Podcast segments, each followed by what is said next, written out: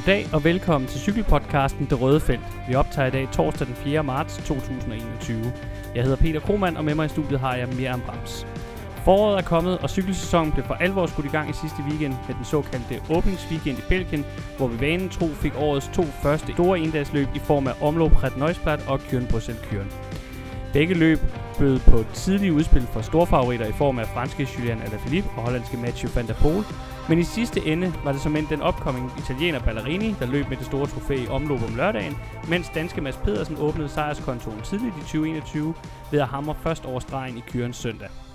Begge dele kommer vi tilbage til lidt senere i dette program, som du kan finde alle de sædvanlige steder, hvor du normalt finder dine podcasts, det vil sige Spotify, iTunes, SoundCloud, Stitcher og diverse podcast-apps til Android. Men først skal vi lige vende, hvem der allerede har vist form i opvarmningsløbene i januar og februar. Mere i år der er jo en del opvarmningsløb, der enten er blevet aflyst eller udskudt. Men øh, januar og februar har jo trods alt budt på nogle muligheder for at rulle benene i gang for det professionelle felt. Blandt andet har der været nogle små etabløb i Frankrig, Etoile Bessèche, Tour de Bois og Tour de la Provence med World, og så World Tour uetabløbet UAE Tour som nok det største, der er blevet kørt indtil videre. Mange store stjerner har allerede været i kamp, og unge talenter har allerede vist sig frem.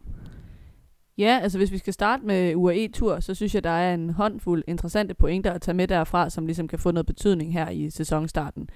Øh, løbet blev vundet, så det samlede klassement af superstjernen Tadej Pogacar foran Ineos' Adam Yates. Og jeg synes, øh, man kan sige, at de to ryttere, de så ud til virkelig at være i en klasse for sig på stigningerne. Og så øh, den unge portugiser, Joao Almeida, var nok altså klart best of the rest, men trods alt stadig lige øh, en halv eller en hel klasse under de to store drenge her. Noget, der til gengæld øh, også åbenbarede sig på stigningerne, det var en masse bjergtalenter, som fik stukket hovedet frem allerede her fra sæsonstarten. Først og fremmest så synes jeg, at vi lige skal vende, at øh, danske Jonas Vingegaard jo fik lavet en virkelig, virkelig smuk bjergsejr på ikke den største bjergetappe, men nok den næststørste bjergetappe i, øh, i ørkenløbet her, hvor han faktisk vandt foran øh, Pogacar. Øh, og jeg synes, øh, Brian Holm han sagde det meget godt, at når man vinder en etape, så skal man altid kigge på, hvem der er, der bliver nummer to og nummer tre. Og når de hedder Pogacar og Yates, så er det altså et rigtig flot øh, resultat. Og det var fedt at se øh, så flot en opfølgning på hans øh, flotte kørsel i Vueltaen i efteråret, som vi jo har talt om tidligere. Og jeg synes godt, man så kan tillade sig at håbe på, at han får nogle flere chancer øh, til at køre for sig selv i år, øh, fordi han allerede fra start har vist, at øh, han altså er en mand, der kan levere resultater til holdet. Ja, og så øh, var der jo også sådan lidt forskellige andre præstationer, hvis vi kigger lidt ned af både øh, den samlede resultatliste, og også hvis vi kigger på, øh, på etaperne undervejs, som jeg synes i hvert fald tegnede nogle spændende perspektiver for resten af sæsonen. Vi kan jo for eksempel øh, nævne endnu en dansker, der gjorde det rigtig fint. Ja, altså Skelmose går jeg næsten ud fra, at du tænker på. Øh, ham var vi jo ellers rimelig meget ude med riven efter i vores optakt om ja. Hvor vi vist fik sagt, at øh, ham regnede vi ikke med det store fra. Til gengæld så sagde vi jo også, at vi håbede, at han ville gøre vores ord til skamme, og det har han så gjort med den her flotte 6. plads, som han leverede samlet. Mm. Han blev selvfølgelig hjulpet lidt på vej af, at han, øh, han kom med, da feltet splittede sidevinden på første etape, men det gør det jo ikke mindre flot. Det er også svært at køre sidevindskørsel. Så man må nok øh, sige hatten af for ham. Man kan ikke gøre debut i World Touren på, på meget bedre vis, end det han har gjort. Øh, foran ham i øvrigt, der endte Nelson Pauls øh, på femtepladsen i det samlede klassement. Så noget kunne måske tyde på, at en af dem, der kommer til at udfylde tomrummet på, på EF-holdet, som jo mistede en del store profiler i transfer, det godt kunne blive øh, den unge amerikaner her. Ja, han har stadigvæk alderen til, at man ikke helt kan udelukke, at, øh, at der stadig er noget udviklingspotentiale, og vi nok ikke har set toppen af, af isbjerget for ham øh, endnu. Hvis vi skal nævne en lidt mere trist øh, intro på den store cykelscene, kan man måske godt sige, så øh, er det måske lige værd at fremhæve den øh, tyske rytter Florian Stork. Han øh, skulle jo i gang med sin anden World Tour sæson her. Hans første sæson på Sunweb, som det jo hed på det tidspunkt, var ikke vildt succesfuld. Men han gjorde det også rigtig, rigtig godt øh, på bjergene i øh, her i UAE Tour. Øh, og stod, lignede en, der stod foran, at han skulle have et stort gennembrud i år. Øh, og så, øh, ja, så styrtede han på en af de flade tapper og brækkede knæskallen. Ja, det var, det var ærgerligt. Øh, den eneste gode ting, der er at sige, det er, at jeg nåede at opdage det, inden vores cykelmanagerspil gik i gang, så jeg nåede at sætte ham af holdet og få ny på. Vigtig prioritering. Meget vigtig, vigtig prioritering. prioritering. Ja. Men super synd for ham. Det lignede virkelig øh, gennembrudsåret for ham. Så man må håbe, at øh, han kom rimelig hurtigt tilbage på cyklen, og så måske kan få et godt efterår ud af det alligevel, og at det ikke kommer til at, at koste ham øh, på længere sigt. En tredje ting, øh, jeg gerne vil fremhæve fra det her løb, det er topsprinterne. Vi havde øh, Sam Bennett, vi havde Caleb Ewan, vi havde Pascal Ackermann, vi havde Elia Viviani. Det er nogle af de samme ryttere, vi venter at se i Tour de France til sommer, så det var lidt interessant at se, hvordan øh, formbarometeret så ud hos dem. Øh, Sam Bennett han fik to etappesejre med hjem. Ewan fik en enkelt, så de er jo kommet godt fra start. Det plejer at være ret vigtigt for sprinterne at få nogle sejre under bæltet rimelig hurtigt, fordi det er med til ligesom at stive deres selvtillid af. Og det kan virke sådan lidt øh, selvforstærkende. Nogle gange har man indtryk øh, af øh, med sprinterne. Til gengæld så må man sige, at øh, den store tysker Ackermann ikke kom særlig godt fra start, og så Ilja Viviani fik jo heller ikke nogen sejr med hjem, men det er så lidt mere forståeligt, eftersom han er på vej tilbage efter den her hjerteoperation, han har været igennem i, i off-season. Så skal vi også lige sige, der er et nyt sprintertalent, der har stukket hovedet frem. David Dekker, som vi heldigvis nåede at nævne i vores optakt om Jumbo Visma, han fik øh, to andenpladser øh, med hjem. Og det er jo heller ikke dårligt, når man tænker på, at øh, i hvert fald den ene af dem var det Sam Bennett, der vandt. Jeg tror måske faktisk, det var dem begge to, hvor det var Sam Bennett, der vandt. Øh, og så har han jo så slået de her andre topsprinter i feltet. Øh, så ham kan vi helt klart regne med at se mere til i år. Monika også nok skal, skal få nogle World Tour sejre med hjem. Ja, det må vi helt sikkert øh, regne med, og, og han har det jo i blodet. Han er jo søn af den øh, legendariske Erik Dækker, som i hvert fald i nullerne var en meget, meget giftig både endags og etabeløb, eller etappejæger i øh, etabeløb. Der var et, øh, et, en tur, hvor han Øh, vinder øh, tre etapper, og hvor jeg kan huske, at øh, Jørgen Mader udtaler de legendariske ord, dobbeltdækkeren er hjemme, da, da han vinder anden gang. Og så helt chokeret, da han vinder tredje gang i øvrigt foran Jørgen Maders øh, kæmpe favorit Erik Sabel. Øh, Målløs konstaterer, at han tripler, trippeldækker. Og det, så øh, så det, det, var en, øh, det var en legende, og nu må vi så se, om, om Sønneke han kan, han kan følge i fars fodspor. Ja, der er i hvert fald nok at leve op til. Jeg vil lige øh, tage en sidste pointe med fra, fra UAE, fordi hvis vi snakker formbarometer, så er en, der virkelig bonger ud der, det er enkeltstartsekvilibristen Filippo Ganna fra Ingers og fra Italien. Han vandt øh, løbets enkeltstart, og det var så den 8. enkeltstartsejr i træk i en enkeltstart, han stiller op i. Øh, den syvende tog han øh, også i et opvarmningsløb i et af dem i Frankrig. Han virker fuldstændig ustoppelig i den der disciplin lige nu, øh, så vi kan nok godt regne med, at han mere eller mindre rydder bordet her i, i forårsløbene. Øhm, og så så vi ham jo faktisk også snuppe en ordinær etape i, i det her lille franske løb, han kørte. Så han er virkelig øh, en mand i form. Jeg tror, hvis der er nogen, der får øh, gjort kål på ham i en enkeltstart her i foråret, så skal vi nok kigge til Pogacar eller Roglic. Øh, og Pogacar slog ham jo, slog jo ikke her i UAE, hvor han ellers selv var i, var i stor form. Så måske det er en, en Roglic, der skal ind og og udfordre ham, hvis det skal, hvis det skal blive til nederlag for ham. Ellers kan vi også alternativt bare aflyse både OL og VM i enkeltstart, så bare give den til Garner. Hvis han fortsætter på den måde, så er der i hvert fald ikke nogen, der kan tro ham. Vi skal også lige rundt om øh, de her franske løb, der blev kørt. Der var det, synes jeg, især interessant at se øh, Ineos hjælperen Ivan Sosa, det her unge kolumbianske talent, der havde et meget svært 2020. At se ham sætte uh, Julian Alaphilippe til vægs på Mont Ventoux, der jo var med her i Tour de la Provence som den store attraktion. Uh, og i det løb var det ellers så i øvrigt uh, en, uh, ikke helt ny, men i hvert fald i quickstep-sammenhæng, ny rytter stadigvæk, Davide Ballerini, der jo kører sit andet år på det belgiske hold, uh, der stjal showet og vandt uh, to etappesejre, og også fik en anden plads uh, på de etapper, der ligesom var noget at køre efter for ham på de flade etapper. Så han har virkelig fået sig etableret som nummer to efter Sam Bennett på quickstep-holdet. Ja, vi kan måske også lige nævne, at en anden uh, sprinter, der også har fået en, en god sæsonstart, det er den italienske rytter Giacomo Nizzolo, øh, som vandt det her endagsløb, Classica di Almeria, øh, et af de få løb, der er blevet kørt i, i Spanien. Og det er jo også vildt vigtigt for hans hold, øh, Quebec Asos, at de rent faktisk kommer i gang med at få sat nogle sejre ind på kontoen, fordi det har de ved Gud ikke haft meget af de seneste år. Og hvis der er en, det skal komme fra, så er det nok øh, Nizzolo. Øh, så har vi også set øh, gode gamle Bauke Mollema folde sig ud og slå Bernal i finalen i det lille italienske løb øh, Trofeo Laguelia her i løbet af ugen. Og der må vi sige, at øh, altså selvom man virkelig godt kan unde Molema sejren, så er det jo også bare fedt at se Banal både vise noget form og noget køreglæde igen oven på den her store nedtur, han havde i Tour de France. Øh, han har så godt nok sagt, at øh, han stadig er plaget af de her rygsmerter, som han har døjet med siden øh, han gik ud af turen. Så det bliver lidt spændende at se, hvordan han så ser ud i de kommende ugetabløb, der bliver afviklet her i, i marts måned. Om han for eksempel godt kan holde til at, at sidde med på, øh, på flere bjergetapper i træk. Så kan vi måske også lige tage de franske briller på et øjeblik, øh, og på deres vegne glædes lidt over, at øh, David Gody, som jo i år skal overtage øh, kaptajnrollen på øh, Frances Descheux i øh, Tour de France fra øh, Thibaut Pinot, at han har vist god form her fra starten af sæsonen og vundet den lille franske endags, øh, endagsklassiker Fond Ardèche Classic, som han vandt øh, i sidste weekend. Øh, den blev kørt samme dag som øh, omløb om lørdagen. Og her slog han altså både øh, Pinot og Alexander Vlasov, øh, Hugh Carthy, der betræ af Vueltaen sidste år, og så danske Jakob Fuglsang. Øh, I samme løb, der viste en anden dansker, nemlig Mikkel Honoré, sig jo et flot frem med en øh, fjerdeplads, og han lavede så en tredjeplads dagen efter i det andet lille franske løb, Drum Classic.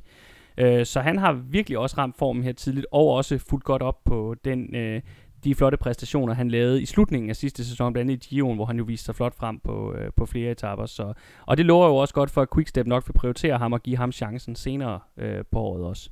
Ja, så han virker egentlig lidt som den der type af hjælperytter, man bare ikke rigtig kan holde nede, fordi han er så god, at han, han kan næsten ikke undgå at køre, køre egne resultater med hjem. Øh, nå, nu synes jeg, vi skal tage, tage ja-hatten af, og så tage nej-hatten på i stedet for, fordi vi bliver også nødt til at runde nogle af de mest oplagte skuffelser her ved sæsonstarten. Øh, vi snakkede en del om øh, øh, nogle af de giftige bjergryttere, der var øh, på Bahrain, som blandt andet tæller øh, Jack Hake og Wood Poles, og de har altså bare vist halsløj form, må vi erkende her fra starten af året. Øh, det så rimelig dårligt ud i Provence, og det så ikke bedre ud, måske næsten da værre i UAE-tur, fordi der kom de så op imod nogle bedre ryttere. Øh, de har virkelig øh, noget at skulle indhente på, på formbarometeret. Øh, Alexander Vlasov fra Astana havde også en lidt skuffende Provence-tur. Han blev nummer 10 samlet, efter at det ellers var meget tydeligt, at Astana ligesom havde regnet med, at han skulle, skulle vinde en sejr mere på Mont Ventoux, hvor han jo vandt i sommer i det her endagsløb, Ventoux Challenge. Øhm, men øh, han er kommet okay igen her i weekenden, mens øh, de andre kørte forårsløb, eller hvad hedder det, kørte endagsløb. Øh, der lavede han så en 6. plads i det her mere bjergrige Fonardesh Classic. Øh, så, så helt galt er det nok ikke for ham. Til gengæld så må vi sige, at øh, Chris Froome, han lignede altså i UAE-tur en mand, der stadig har rigtig, rigtig, rigtig lang vej til toppen. Og Al- Valverde, han begynder at se rimelig aldersten ud, må man sige. Ja, det øh, kan godt være, at øh, gode gamle Alejandro endelig øh, fristes man nærmest til at sige. Det er jo ikke fordi, det er fedt, fordi vi synes, at han er en fed cykelrytter, og vi vil gerne se ham køre endnu flere resultater. Men i en alder af 40 og på vej mod de 41, der kan det godt være, at han endelig øh, har ramt muren, og at øh, vi dermed ikke skal forvente at se flere topresultater fra den ellers legendariske rytters side. Ja, altså omvendt så kan man sige, at øh, han havde jo faktisk meldt ud, at det her vil være den sidste sæson, og nu har han så lige været ude og sige, at ah, ah det kan godt være, at han lige skal have et år mere, fordi at øh, han allerede nu siger, at han er bange for, at der er mange løb, der bliver aflyst, og han vil gerne have en, en ikke-corona-præget sæson måske at, at slutte af i. Det var sådan et, spansk awardshow, hvor de uddelte awards for 2018, og bare været vildt forsinket på grund af corona. Det blev åbenbart altid uddelt sådan med et mm. års respittid. Det er så blevet ekstra forsinket i år, så han fik øh, en hyldest for sin øh, VM-medalje fra 2018 og holdt så den her tale, hvor han fortalte, at øh, han allerede nu overvejer også at tage 2022 med.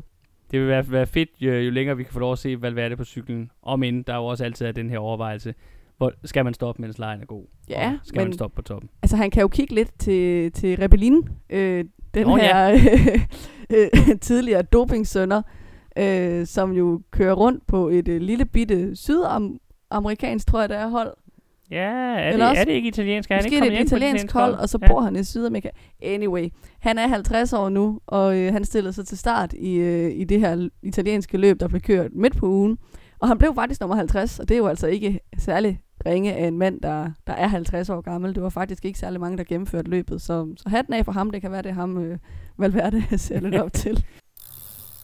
Inden vi begynder at se lidt fremad, så skal vi lige se lidt tilbage på øh, det, der startede hele cykelsæsonen for alvor i sidste weekend, nemlig den traditionelle belgiske åbningsweekend, som den jo kaldes, med de to løb om Lombret Neusblad og Kyren Bryssel Kyren. Og øh, man må nok sige, at øh, det var en åbningsweekend, der vendte lidt op og ned på tingene i forhold til, hvordan vi plejer at, at se det, eller hvordan vi plejer at forvente, at det skal være. Øh, fordi normalt er det jo sådan, at øh, man forventer omløb, der kører som lørdagen, og en del af World Touren bliver det mest underholdende af de to med sin Flandern rundt inspirerede rute, der jo så siden 2018 ovenikøbet har inkorporeret den gamle finale fra Flandern rundt med øh, de, de her legendariske stigninger, muren i Gerardsbergen og Bosberg inden for de sidste 20 kilometer. Men det endte i stedet med at øh, blive et rimeligt, sådan, eller i hvert fald relativt set, tamt løb, hvor en meget, meget stor favoritgruppe, not den største, jeg har set i nyere tid, endte med at komme samlet ind til opløbet i Ninove. En større gruppe havde dog forsøgt at ruske lidt op i tingene, øh, på den gamle finalestilling i løbet Molenberg. Men øh, selvom at, øh, at ikke mindst verdensmester Alaphilippe til sydlandene var i hopla endte med at forsøge at køre solo med 32 km igen, øh, så blev det hele samlet lige i muren, og efterfølgende var det så kun Gianni Moscon, der leverede noget, der mindede om et forsøg på at rive sig løs og køre solo. Øh, var det vejrforholdene, der endte med at koste? Der var jo øh, i hvert fald nogle rygter om, at øh, vejrudsigten havde sagt nordøstenvind, og vi har tidligere med den her finale set, at vi, når der er modvind, så er det svært at køre væk, og svært at skabe afgørende udskilling i finalen. Men der er også nogle rytterne, der efterfølgende har sagt, at øh, vinden ikke spillede nogen særlig rolle, der faktisk ikke rigtig var nogen vind, så det er ikke helt til at sige, hvad det var, der gjorde, at det blev så samlet, som det gjorde i år. Nej, men man kan sige, some things never change. Quickstep vandt, øh, ja, og det har de en tendens til at gøre i de her øh, forårsløb. Og der fik de jo virkelig vist øh, dybden i deres trup, fordi selvom at Philips udbrud så kiksede heroisk, som det var, øh, så blev det jo ikke rigtig til noget. Øh, så var det så hans hold alligevel, der endte med at trække det længste strå, fordi at de så fik kørt øh, Davide Ballerini øh, rigtig godt frem i spurten, så han kunne drøne over stregen øh, som første mand. Ja, og øh, man må bare sige, at øh, det bekræfter det, vi også sagde i sæsonoptakten omkring Ballerini, nemlig at han er en rytter, der selvom han er hurtig og jo har vist, at han kan gøre sig i, i sprinterne, så, øh, så er han også en mand, der kan, øh, der kan præstere, når terrænet bliver lidt mere kuperet, og der kommer lidt flere udfordringer ind, og det, det cementerede han jo med den her flotte sejr i, i omløb. Ja, så ligner han bare en mand, der er i kongeform. Altså, jeg tror virkelig, vi kommer til at se meget til ham her i foråret i hvert fald. Øh, så man kan sige, når nu det blev en sprint, så var det måske ikke så overraskende, at, øh, at han kunne, øh, kunne trække sejren hjem. Til gengæld, så tror jeg, at langt de fleste er blevet overrasket over ham, der øh, stod nummer to på podiet. Det var nemlig den unge brite Jake Stewart, som har gjort debut på World Touren i år på det franske hold, øh, Frances Descheux. Øh, han havde vist sig lidt frem med noget smagsprøve på sit talent øh, med nogle sekundære placeringer i de franske etabløb her i februar. Men øh, jeg tror ikke, der var så mange, der lige havde set det komme, at han ville drøne ind på podiet i omløb Red Nøjsblad første gang, han stillede op der. Så ham bliver det virkelig spændende at følge i år. Ja, også fordi han har sagt, at øh, de belgiske løb virkelig jo er, er, er det, han elsker, og det, han ser frem til at prøve kræfter med. Så, øh, og jeg tror, jeg har set, at han er til start i nogle af de lidt mindre belgiske klassikere, der skal køres over de næste par uger, dem der ikke er på World Tour niveau. Så måske han kan levere et stort resultat der. Det vil ikke overraske mig i hvert fald. Nej, og så kan det jo være, at øh, Storbritannien har fundet sin nye store stjerne, og så endelig måske en, der, der viser sig frem på et andet underlag end øh, de stejle bjerge. Helt bestemt.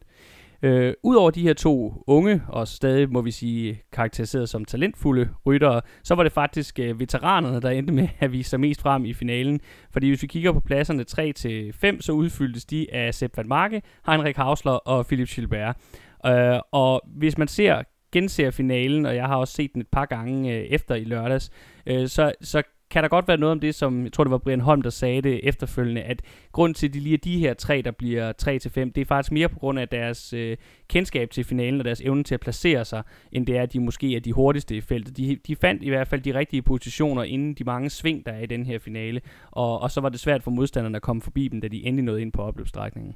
Ja, altså, al er respekt for, for Philip Gilbert, der tager en femteplads i, hvad han alder 38 eller 39 I 38 år. er han. Øh, men han stod rimelig stille i den sprint der. ah, nu synes jeg, du er hård. Oh, men øh, han placerede sig godt. Det, skal, det er også vigtigt i cykelsport.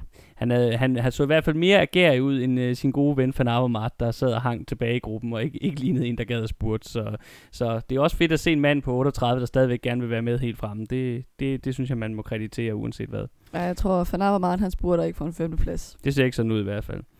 Hvis vi så går videre, fordi som sagt, hvor omløb øh, skuffede lidt, så må man sige, at Kyren om søndagen leverede meget mere underholdning, end, øh, end man måske havde forventet på forhånd. Øh, den her semiklassiker, der jo ikke er World Tour løb, den befinder sig på det næsthøjeste niveau, sådan rent rangeringsmæssigt. Øh, den har normalt den ulempe rent øh, rutemæssigt, udover at den har sådan en lidt mere klassisk A til B rute, så er der den her udfordring, at øh, de store stigninger på ruten, herunder legendariske Ode Quatermont, som de fleste nok bedre kender fra dens rolle i finalen i Flandern rundt, de ligger altså så tidligt, at der fra den sidste stigning stadigvæk er cirka 50 km ind til målstregen i Kyren. Øhm, og det har jo så også ofte haft den konsekvens, at det hele er blevet samlet efter stigningerne, og man så har fået en, en samlet spurt ind på opløbsstrækningen. Men det var ikke tilfældet i år. Van der Pol han satte gang i festen, da han stak øh, efter morgenudbruddet, øh, da der var 80 km til mål. Og da øh, resten af feltet det så nåede til Kvartermont med cirka 60 km tilbage, så gik favoritterne fuldstændig amok i angreb i højre og venstre side af vejen, med en fremragende kørelyst. Det var, det var så fedt at se på. Øh, og splittelsen, der opstod hen over Quatermont, den endte jo så med at føre til et øh, virkelig, virkelig fedt forfølgelsesløb ind mod Kyren, hvor Van der Pol og de her lykkerider, der havde været afsted hele dagen, de lå forrest, og så blev de jagtet af en favoritgruppe, der så havde en anden og lidt større favoritgruppe jagtende bagefter sig. Og det endte jo hverken værre eller bedre end de her to favoritgrupper, de får sig samlet, inden man kommer ind, lige inden man kommer ind på den her 15 km lange rundstrækning, der slutter løbet af. Og så så det egentlig ud til, at, at der var brugt så mange kræfter, der var samlet så mange folk, at de ikke kunne blive enige om at lukke det sidste hul. Lige indtil, at først danske Kasper Askren og så danske Søren Krav, de inden for de sidste 3 km besluttede sig for, at nu skulle de køre cykelløb. Og så endte det med, at der alligevel blev samling, og så var det jo så en anden dansker, nemlig eks-verdensmester Mads Pedersen, der endte med at trække det længste strå. Ja, virkelig fedt løb, og kæmpe respekt for Mads P. sejr. Øh, da det første favoritudbrud øh, kørte på stigningen, der lignede han på ingen måde en, der havde benene, synes jeg ikke. Og hele resten af dagen, der kørte han jo i virkeligheden løbet bagfra, så at sige. øh, han sidder bare med is i maven nede i tredje gruppe og venter på, at øh, især Bahrein-holdet arbejder for at få lukket hullet for deres hurtige folk, øh, Hausler og Colbrelli. Og da de to grupper så er spillet sammen, så sidder han igen bare helt cool og venter på, at der er nogle andre, der får lukket op til, til Van der Poels gruppe. Så finder han lige holdkammeraten Jasper Støjvens hjul, som jo så har siddet op i anden gruppe, og bliver leveret fuldstændig perfekt til en sprint, hvor han jo bare var øh, totalt overlegen. Øh, jeg tror, vi må sige, at han havde det ene skud i benene den dag, og det brugte han bare fuldstændig perfekt. Altså, det var ikke formen, men hovedet, han vandt med i søndags, og det må man sige, det var også rimelig tydeligt, når man fik set øh, på nærbilledet af ham på vej over stregen, fordi der er godt nok måske lige rigeligt med, øh, med sul på hans skinner ah, han er ikke, han er ikke i topform endnu, men øh, at han alligevel kan vinde sådan et løb øh, på det her tidspunkt i sæsonen, det lover bare godt, øh, når vi kigger hen mod de virkelig store brostensklassikere, der kommer om stadigvæk en lille lille måneds tid. Og så kan man jo i den sammenhæng sige, at øh, han nok øh, skylder øh, Askren og Søren Krav en øl, fordi jeg tror ikke, at de havde hentet Van der Pols øh, gruppe, hvis ikke at de to var begyndt at, at prøve at lave stikninger i finalen. Det tror jeg altså ikke på. Nej, det kan være, det kan være, det var det, de havde tænkt, at det var sådan en lille vennetjeneste, who knows. Ej, det var det nok ikke. øh, jeg synes, vi også lige skal, skal nævne, at det jo er fedt at se, at sådan en som Ale Philippe og Van der Pol lancerer sådan nogle virkelig modige, nærmest asserderede angreb med henholdsvis 30 og 80 km til mål. Altså det endte jo så ikke med at, at kunne betale sig, men det er jo fedt at se de der helt store ryttere virkelig åbne løbende op, og så er det jo et eller andet sted også fedt nok at se, at de trods alt er menneskelige, i hvert fald på den her tid af sæsonen, sådan at, øh, at de ikke bare kan mose øh, et helt felt af favoritter, der ligger nede bag ved dem. Øh, så synes jeg også, en anden lille krølle på halen, der er hentet øh, her fra åbningsweekenden, det er, at der ser ud til at være lagt op til en ongoing beef mellem de to hold, de König Quickstep og Alpecin Phoenix. Fordi efter åbningsweekenden, der fik holdchefen på Quickstep, Patrick Lefebvre, udtalt på et pressemøde, at han mente, at uh, The Wolfpack, som Quickstep jo kalder sig selv, uh, de kunne slå uh, Van der Pol og Van Aert ved at isolere dem, og fik sådan sagt mere eller mindre direkte, at uh, deres hold jo kun havde en rytter, der kunne vinde, altså Van der Pol på Alpecin Phoenix, og så Wout Van Aert på, uh, på Lotto Jumbo. Og det svarede Alpecin Phoenix så igen på ved at, at mose Quickstep i det lille belgiske løb Le Samin øh, om tirsdagen hvor øh, Van der Pol igen øh, var en stor faktor, øh, ikke mindst fordi at han fik lukket fuldstændig ned for Quickstep-rytteren Senechals angreb i finalen.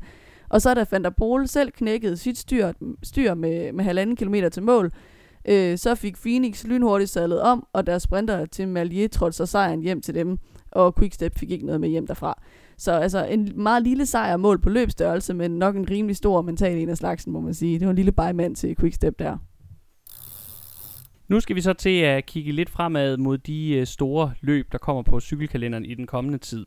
Og det første, vi skal tale om, det er Strade Bianche, der jo bliver kørt på lørdag den 6. februar. Og det her italienske løb, det er jo noget så sjældent som en decideret ny klassiker. Øh, den professionelle udgave af det her løb blev faktisk først etableret i 2007. Den blev bygget oven på en amatørudgave, der eksisterede siden 1997. Øh, men konceptet med en øh, cykelduel på de her kuperede hvide grusveje i øh, det smukke Toskana rundt omkring den her historiske by Siena, det har hurtigt vist sig at være, have så meget appel til hele øh, feltet og til hele cykelverdenen, at det her løb allerede i 2015 blev opgraderet til det næsthøjeste niveau, altså det, der nu hedder Pro-niveau, og så blev det så i 2017 en del af World Touren. Rekorden øh, for flest sejre indtil videre i det her løb er 3, og den eneste, der har opnået det indtil videre, det er den svejtiske legende Fabian Cancellara, eller Spartacus, som han jo også blev kaldt. Øhm, og det er der noget særligt omkring, og det er, at Dermed er han også den eneste, der har fået opkaldt et stykke af en af løbets gruspavéer efter sig. Det er nemlig sådan, at Strade Bianche har en regel om, at hvis en rytter vinder løbet tre gange, så er der et lille stykke af grus af et af de her grusveje, som man får lov at få opkaldt efter sig for tid og evighed. Det er en ret fed detalje, synes jeg. Ja, og i bedste Spartacus-stil, så har han vist nok også valgt øh, det, der bliver betragtet som den hårdeste sektion ja, et, på, et, stykke af, på ruten. et stykke af den hårdeste sektion Ja, på ja. ruten. øh, jeg vil så gerne lige indskyde, at øh, amatørløbet, som ligger til grund for det professionelle løb, altså bare en fuldstændig fantastisk historie. Øh, det løb, det hedder Leroyka, som vist nok betyder noget i retning af den heroiske. Øh, det løb ligger ikke i foråret, men i oktober. Og kravet for at stille op, det er, at man skal møde op på en vaskeægte jernhest, nemlig en jernramme fra øh, 1987 eller ældre, som også skal have øh, gearne nede på stangen, ligesom man havde i gamle dage, hvor det er sådan en slags håndtag, man ligesom kan trække i, der sidder på hver side af det ene rør. Så skal man have lædercykelsko på, og øh, uldtøj, som jo var det, man kørte i i gamle dage. Øh, og man kan sige, at da løbet blev startet i 97, så har det nok ikke været så slemt at skulle stille op på en ramme fra 87, fordi det er trods alt kun en 10 år gammel cykel. Øh, men jeg er ret sikker på, at de ikke har lavet om på det krav, og det rykker jo bare længere og længere øh, ud i horisonten, kan man sige. Så det er jo, det er jo virkelig øh, heroisk, øh, kan man sige, at øh, de stiller op i, øh, på det her udstyr, og så ellers bare skal ud og, øh, og tilbagelægge 200 km motionsløb med omkring en tredjedel af de kilometer på, på de her forfærdelige hårde grusveje. Mange af dem er også øh, meget stejle. Og grussektionerne har fra start af været helt vildt vigtige, ikke kun for løbets karakter og som sådan øh, en feature og noget, der gør det ekstra hårdt. Øhm, amatørløbet blev, øh, i hvert fald sådan som jeg har læst det, skabt for at redde øh, de grusveje, der ligger i det her område, fordi den lokale regering øh, ville til at asfaltere dem for at gøre det lidt mere fremkommeligt. Men det var de lokale italienere overhovedet ikke interesseret i. Så de ville vise, at de var farbare, og derfor lancerede de så det her cykelløb, som skulle vise, at man kunne altså godt køre på de her grusveje. Dem var der ikke nogen øh, grund til at lave om. Eller so it goes anyway. altså, spørgsmålet er, om der også er krav om, at man inden øh, løbet skal indtage et, et måltid, sådan som cykelrytterne gjorde tidligere. Der er jo de her, hvis man har set Jørgen Lets øh, berømte cykelfilm fra 70'erne, både øh, i hvert fald især, øh, jeg tror det figurerer i hvert fald i Stjernerne og Vandbærerne, og måske gør det også i en forårsdag i helvede. Så det, der jo bliver indtaget inden sådan en præst- toppræstation på, på cyklen, det er jo noget i retning af en, øh, en god rød bøf og så en omgang braskartofler. Det er jo ikke, øh, ikke lige frem det, man anbefaler professionelle cykelrytter at spise nu om dagen. Nej, det gør bare præstationerne endnu større. Jeg tror, det er Ole Ritter, man får lov til at sidde og se, øh, sidde og fortære mm. sådan en øh, stor rød bøf der, inden han skal ud på cyklen. Mm. Hvis vi så skal vende tilbage til år 2021 og årets udgave af Strade Bianche, så må man sige, at øh, et punkt, hvor løbet, øh, selvom det er nyt, lever op til traditionerne i cykelsporten, det er jo det her med, at øh, hvis man har noget tradition omkring, hvordan løbet skal udformes, hvordan ruten skal se ud, så skal man holde fast i det, og det gør Strade Bianche meget trofast år efter år. Igen er der start og mål i Siena. Det har der været i, så vidt jeg ved, alle de professionelle udgaver af løbet. Og så kører man så ud i sådan en lykke fra den smukke, gamle italienske by, øh, hvor man så kører ud og tilbage igen, og som også slutter øh, i byen. Det kommer jeg tilbage til. Distancen er i Strade Bianca ret kort egentlig for en endagsklassiker. Den har nemlig kun en længde på 100, 184 km. Øh, til sammenligning kan man sige, så monumenterne og de næststørste endagsklassikere, de rammer øh, minimum 250 km. Og selv de løb, vi så i åbningsweekenden her i sidste weekend, de er altså også lidt længere med en distance på 200 km. Men hvad ruten så ikke har i længde, det har den så til gengæld i udfordringer. Som du allerede har nævnt, Miriam, så er det hele 63 km, altså cirka en tredjedel af de her 184 km, der kommer til at foregå på de her hvide grusveje, øh, som øh, i flere af tilfældene for de her øh, i alt 11 gruspavéer, som rytterne skal igennem, også indeholder nogle rimeligt seriøse stigninger.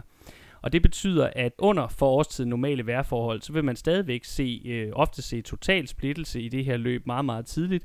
Og øh, hvis vi får en af de her udgaver, hvor det bliver virkelig ekstremt bevæget, det har vi jo oplevet nogle gange, så er det stensikkert, at vi vil se rytterne komme i mål en til en, øh, bare kæmpende over målstregen. Det har vi i hvert fald set før. Hvis man skal snakke lidt om de her øh, grusstykker, så kan man sige, at halvdelen af dem ligger så også inden for den sidste øh, del af løbet, altså den sidste halvdel af løbet.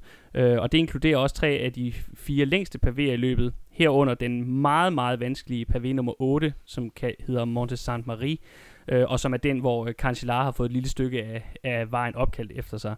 Den begynder med 54 km til mål, og den har en længde på 11,5 km i alt.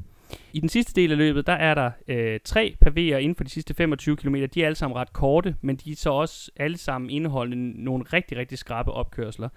Pavé nummer 10, den næst sidste, Kolde Pinsuto, øh, den kommer med øh, cirka 20 km til mål. Den starter med at ramme 15% lige i begyndelsen. Og så er der den sidste pavé, pavé nummer 11, lidt 12, som slutter med en opstigning på 18%. Det er altså nogle ret hissige krabater at skulle igennem, når man allerede har kørt så langt på, på vanskeligt underlag.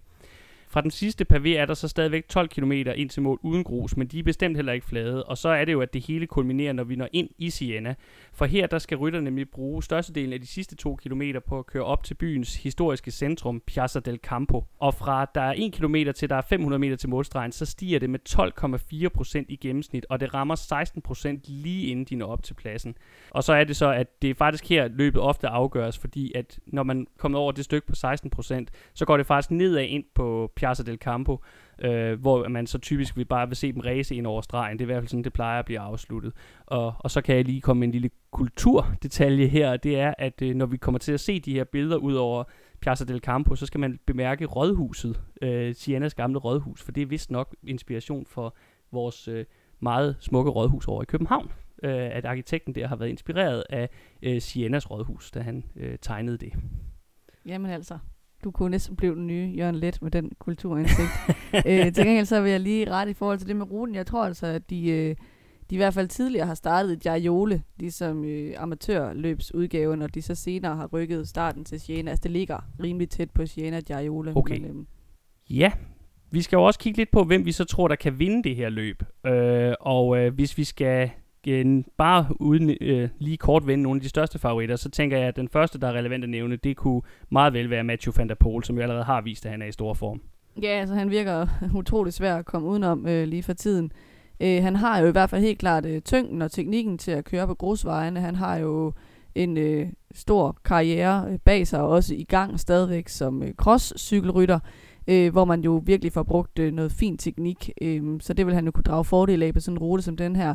Jeg tror, det største spørgsmål, det er, om det bliver for stejlt undervejs. Der er både nogle meget stejle stykker ude på de her grussektioner, og så er der jo også den her meget øh, stejle stigning øh, til sidst op til målstregen. Og han er jo en tung gut, øh, så det kan godt blive en udfordring for ham. Øh, jeg tør ikke skyde på, øh, om det er for stejlt til ham, eller om han er i så god form, at han godt vil kunne, øh, kunne komme hen over. Han havde sagt, øh, da han skulle køre, køre UAE, e, at noget af det, han gerne ville teste, var, hvordan han kunne køre opad. Øh, men der endte han jo med at måtte rejse hjem efter første etape, fordi der var nogle øh, staffmedlemmer på hans hold, der testede positiv for, for corona. Mm. Vi har også nogle gange jo set, øh, det så vi blandt andet til, til VM i Yorkshire, der hvor Mads P. blev verdensmester, at han, han kan også have en tendens til uh, simpelthen at, at kolde, altså gå fuldstændig kold undervejs i løbet, og det kunne også være sådan noget, der, der kunne ske i et løb som det her, især hvis, hvis vi får en af de her udgaver, hvor vejrforholdene er, er, er rimelig skrabe. Det, det har vi jo set tidligere. Øh, vi kan også lige øh, hive en anden profil frem fra crossverdenen, nemlig øh, Wout van Aert. Øh, det er jo så sjovt med ham og, og Fanta Pola, de har jo ligget øh, i rigtig mange år og kørt mod hinanden i crossverdenen, og så har de skiftet nogenlunde samtidig til også at køre landevej, hvor de så ligger og duellerer mod hinanden i forårsløbene. Øh, han er forsvarende vinder. Van vandt sidste år, øh, men han var så ikke med i åbningsweekenden, fordi at meldingen fra holdet har været, at om på hans kostsæson, der var han lige stadig lidt for tung. Han skulle tabe noget muskelmasse, øh, så formen var der ikke helt endnu. Øhm, så det er lidt svært at sige, når vi ikke har set ham køre landevejsløb endnu, om han er i form, øh, eller om det måske er for tidligt, og vi mere skal regne med ham øh, måske i starten af april. Alaphilippe viste jo til gengæld rigtig fin form i omløb, og han, øh, altså ikke mindst med det her øh, øh, flotte og måske lidt hasarderede udbrud, han kastede sig ud i. Øh, han har også allerede vundet det her løb en gang, det gjorde han tilbage i 2019, øh, så vi ved, at øh, hans eksplosive antrit, det virker på grusvejene, og ikke mindst øh, på finalestigningen, hvor det jo var, at han satte danske Jakob Fuglsang tilbage i 2019. Uh, han er dog ikke den eneste Quickstep kan vælge at satse på. De har også uh, Almeida med, uh, som jo har vist, at han kan gøre sig i endagsløb. Og så er der endnu en tidligere vinder med i deres trup, nemlig Stenik Stibar, som jo også er gammel crossrytter, og derfor også har en vis forkærlighed for, for grus. Jeg skal også øh, nævne, synes jeg, Greg van Avermaet. Van Avermaet. Van Avermaet.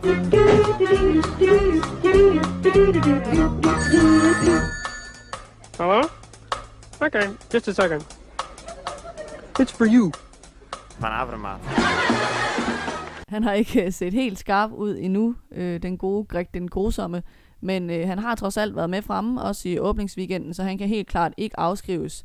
Øh, ruten burde egentlig også ligge øh, rimelig godt til ham. Han har jo i hvert fald øh, i sin stormagtstid været virkelig giftig øh, på de her korte, stejle stigninger. Han er ikke øh, i min favorit top 3, øh, fordi han øh, simpelthen ikke ligner en, der er helt af i topform endnu, men øh, han kan heller ikke afskrives. Nej, og så, nu nævnte jeg jo lige Jakob Fuglsang før, og han er også til start, og han bør bestemt også nævnes efter hans anden plads i 2019, hvor han jo øh, var med hele vejen ind til Alaphilippe satte ham i finalen. Øh, og sidste år, der lignede han faktisk en, der kunne være gået hele vejen. Han havde virkelig drømmeben ude på ruten. Øh, men så inden for de sidste 50 km, der gik, han, øh, der gik han fuldstændig kold. Han har så måske, kan man sige, ikke set så skarp ud i opvarmningsløbene i år, som han har set sidste år. Han har ikke kørt så meget. For eksempel har han ikke... Øh, øh, haft de her spanske øh, uetabeløb i opvarmningsfasen, som han plejer at bruge til at køre sig i form. Øh, men hvis, øh, hvis øh, form er ved at være der, så synes jeg også, at han skal regnes med blandt favoritterne. Øh, han må bare ikke komme hjem sammen med folk, der er hurtigere, som for eksempel Fanta Pola eller Philippe. Og så skal vi måske lige nævne omkring hans, øh, hans øh, øh, præstation sidste år, hvor han gik kold, at en af årsagerne til det, det var den helt ekstrem varme, der var den dag, og det var jo fordi Strade Bianche sidste år blev kørt i august, hvor det jo typisk er meget, meget varmt i Italien. Det, øh, det, den slags temperatur kommer vi nok med al sandsynlighed ikke til at se på lørdag. Vi bliver også lige nødt til at nævne øh, Tadej Pogacar, når han nu er til start, fordi det er, øh, altså, det er jo sådan med ham lige nu, at hvis han er til start i et løb, så må vi regne med, at han er i et eller andet omfang også har en chance for at, at vinde. Øh, han har kørt løbet de sidste to år, og efter en 30. plads, tror jeg nok det var i hans første forsøg, så blev han nummer 13 i fjor, så han har vist noget fremgang, og altså, han er jo også bare en type, en, en rytter, der har der er så alsidig og har evnerne til det her med både at køre på de små skarpe stigninger. Det så vi jo også i Liège, Bastogne Liège sidste år. Og formen er der jo helt uden tvivl. Det så vi i UAE-tur, så øh, Pogacar er en meget, meget spændende joker i det her løb også. Ja, så er han også bare så herligt agerig. Øh, meget ligesom øh, landsmanden Roglic i virkeligheden. Det virker som om, de bare næsten ikke øh, kan blive midt af sejre. Øh, en sidste, jeg gerne lige vil øh, spille ind, det er Roman Bardet Øhm, han har før kørt en podieplads hjem i det her løb, og han har virkelig en næse for en dags løb.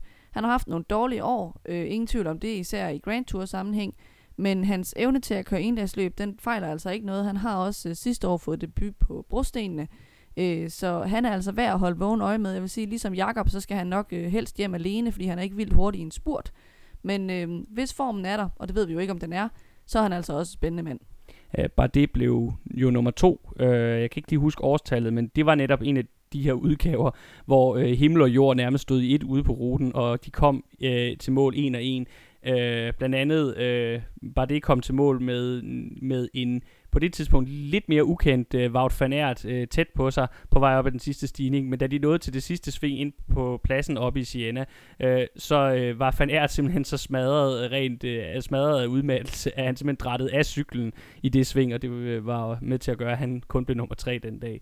Øh, så det viser også bare noget om, hvor hårdt det her løb kan være, og det viser noget om, at bare det, han har formatet til at gøre sig i det her løb, også under de mest vanskelige forhold. Og så øh, med risiko for at komme til at nævne så mange favoritter, og det er værdiløst, så skal vi altså også lige øh, nævne en ung britte, man kan holde øje med, ikke bare i det her løb, men hele foråret i form af Tom Pitcock.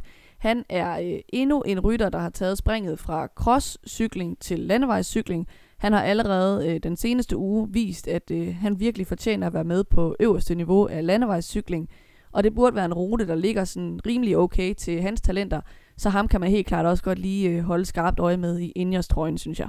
Hvis vi lige hurtigt skal nævne et par andre øh, formstærke ryttere, som den her øh, rute eller det her løb ligger godt til, så kunne man jo nævne dens øh, eksplosive kanadier Michael Woods fra Israel Startup Nation, øh, Tim Wellens, der altid er, er mand for en øh, solid indsats i de her klassikere.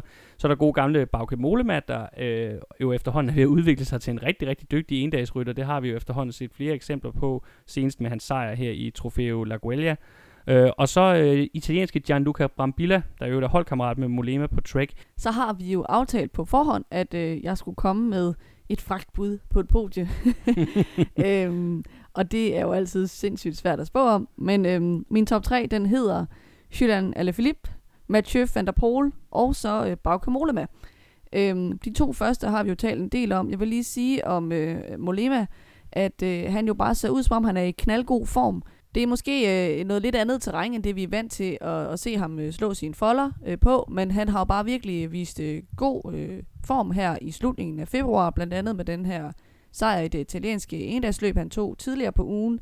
Øh, vi har set ham her de seneste år især køre rigtig godt i de italienske bjergrige endagsløb, blandt andet så vandt han jo Lombardiet rundt i 2019, han blev vist nok også nummer 4, tror jeg, sidste år. Øh, det er selvfølgelig en anden type af terræn, men øh, en mand i rigtig god form kan altså være svær at holde nede, og Molema han har den her evne til virkelig at pine sig selv, som nok kan blive meget værdifuld på de her hårde grusvejstykker. Jeg ved ikke, hvor god han er på den type af underlag, men øh, det skulle jo være et fragtbud på et podium, så, så han blev nummer tre. Så det officielle, det røde feltbud på et podium i Strade Bianche 2021, det er altså Julian Alaphilippe, Mathieu van der Poel og Bakke Mollema. Dagen efter Strade Bianche, så er det jo så de store etabløbsprofilers tur til at træde ind på scenen, når de første øh, af den europæiske del af World Tourens løb over flere dage, de indledes. Øhm, det drejer sig jo i første omgang om Paris-Nice, franske uetabløb, der indledes søndag den 7. marts, mens at øh, den italienske pendant Tirreno Adriatico så starter onsdag den 10. marts. Og øh, der er jo tale om to af de mest prestigefyldte begivenheder inden for det, vi kalder uetabeløb. Og derfor så udgør de til sammen også ofte den første duel mellem nogle af de profiler, som vi også skal holde øje med, når vi skal se frem mod de store Grand Tours senere på sæsonen. Ja, hvis vi skal snakke lidt om øh, Paris-Nice, så blev det jo kørt øh, første gang for efterhånden rigtig mange år siden, nemlig helt tilbage i 1933, og det er så blevet kørt øh, uafbrudt siden øh, 1951. Årets udgave er så den 79. 20. Og i dag der er det en af øh, øh ASO, altså dem, der også arrangerer Tour de France øh, store øh, løb i porteføljen.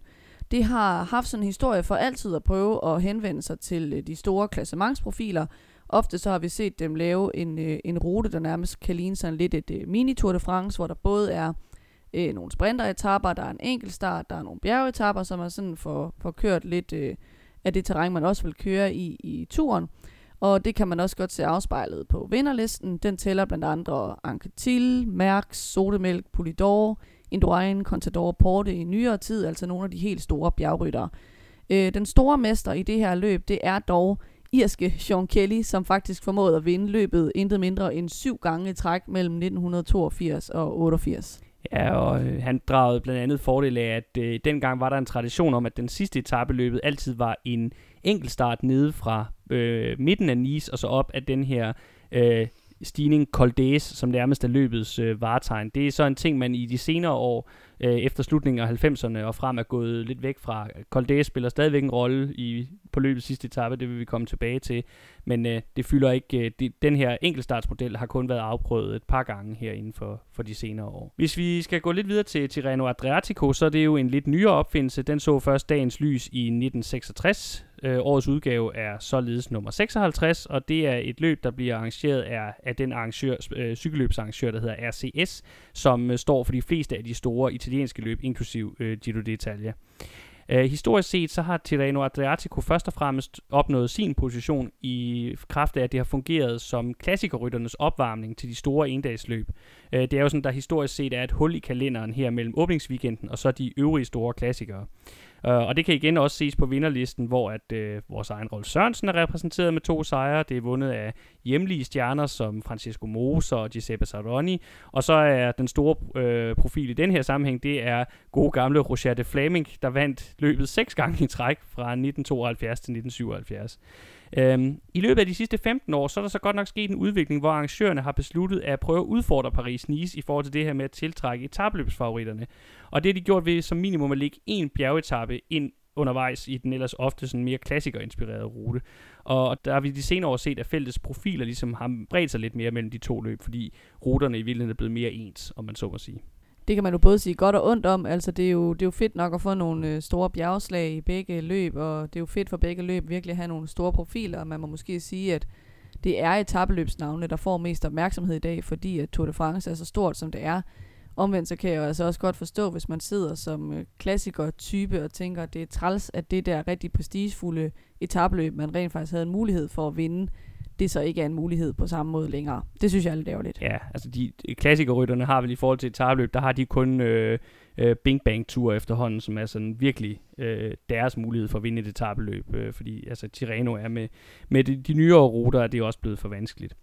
Apropos ruterne, så er det jo også en god, så skal vi selvfølgelig også kigge lidt på dem. Øh, hvis vi starter med Paris-Nice, så kan man jo sige, at det er for det første eksempel på et løb, der stadigvæk lever op til sit navn.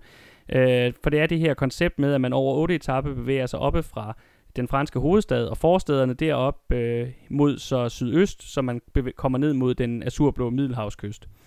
Øh, og igen i år er det med en model, hvor at øh, de to første etaper, som er bliver kørt op i nærheden af Paris, de alt overvejende er flade. Øh, så kommer løbets enkeltstart på tredje etape. Det er en 14 km lang øh, rundstrækning omkring byen Guyane.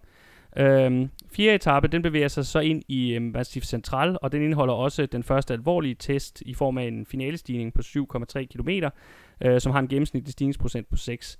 Så er der en, endnu en flad etape, en transporttur gennem Rundalen på femte etape, og så får vi så finalen nede i området omkring Nice med de sidste tre etaper.